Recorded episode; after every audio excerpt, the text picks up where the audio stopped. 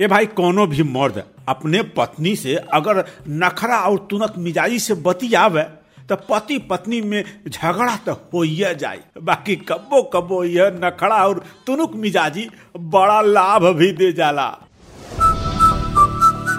Big F M podcast नमस्कार हम हैं आरजे चोखा रउआ सुन रहल बानी गोनू झा के गुदगुदाते किस्से। जे हमें आज हम रउआ के सुनाए कहानी पेड़ पर टंगा झोला। भाई गोनू झा, मिथिला नरेश के दरबार में इतना तेज बुद्धि चला में इतना चलाकी देखा में कि अक्सर उनकरा के इनाम बख्शीश मिलल करे। जौना के देख के कुछ दरबारी तो इनसे जरब करें, साथ में चोर भी इनके घर में बराबर उपद्रव मचावल करें। एक दिन के बात यह कि वो सूते खातिर कमरा में कैले कुछ आहट भइल तो कान खड़ा हो गई वो देखले कि घर में सेंध लग चुकल बा।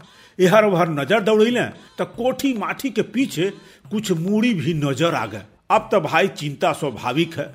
का करें? यह सोचत सोचत झूठ मूठ के लेट गई पत्नी के भी कोनो आभास नाई होके दहले कि का भइल बा घर में। फिर पत्नी से पूछले, अपने माई के कुछ आभूषण तहरा के दहले रहली? कहाँ रख दहलू? पता बा? ओझाइन चिढ़त का कहली, अरे बूढ़ा जाने आ जानी, हम का जानी? गोनू झा सहजता से स्वांग भरल स्वर में कहले, बाकी हम तोहरा सारा गहना के एक जगह संभाल के रख बानी।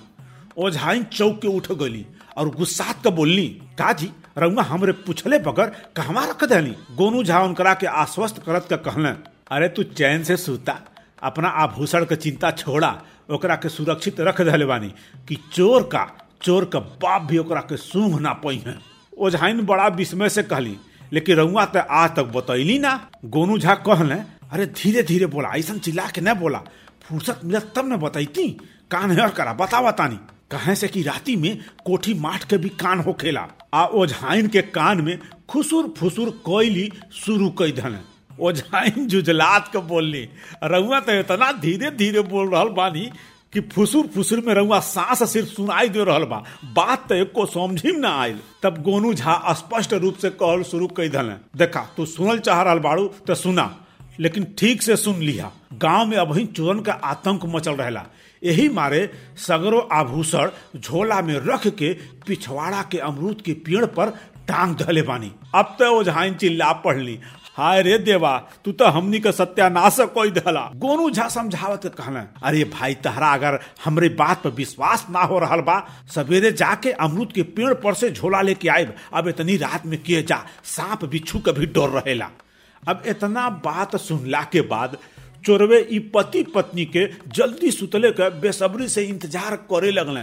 हर गोनू झा पत्नी के चिंता मुक्त कोई के भरपूर सुतला के कोशिश करे लगल अब ई लोग के सुतला के बाद ही चोर वहाँ से खिसकल शुरू कर दिले फ़ौरन वो पेड़ के पास पहुँच गए जहाँ गोनू झा बतैले रहने कि आभूषण टंगले बानी।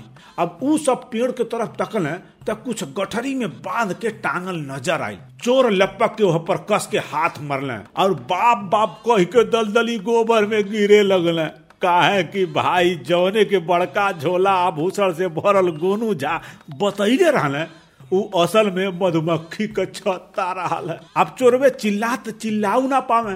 कहा कि भाई पकड़ा जाइए तो जनता बहुते कुटी। ऊपर से मधुमक्खी लोग के छोपले रहे, डंक मारत रहे। अब यही कसम कस में चोर बेचारे एकदम में परेशान, चिल्लाऊ ना पावे आ चुप भी ना रह पावे। ऐसा करत करत सवेरा हो गई। सवेरे गोनू झा लोटा लेके ओ हरे से गुजरले। तो गोबर में धसल, चोरन से चुटकी लेने का चोर भाई लोग, हमार झोरा सुरक्षित बान है।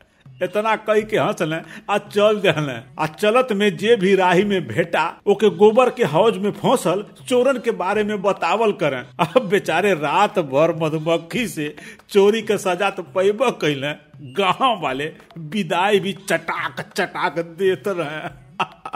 तो भाई ही रहल कहानी पेड़ पर टंगा झोला।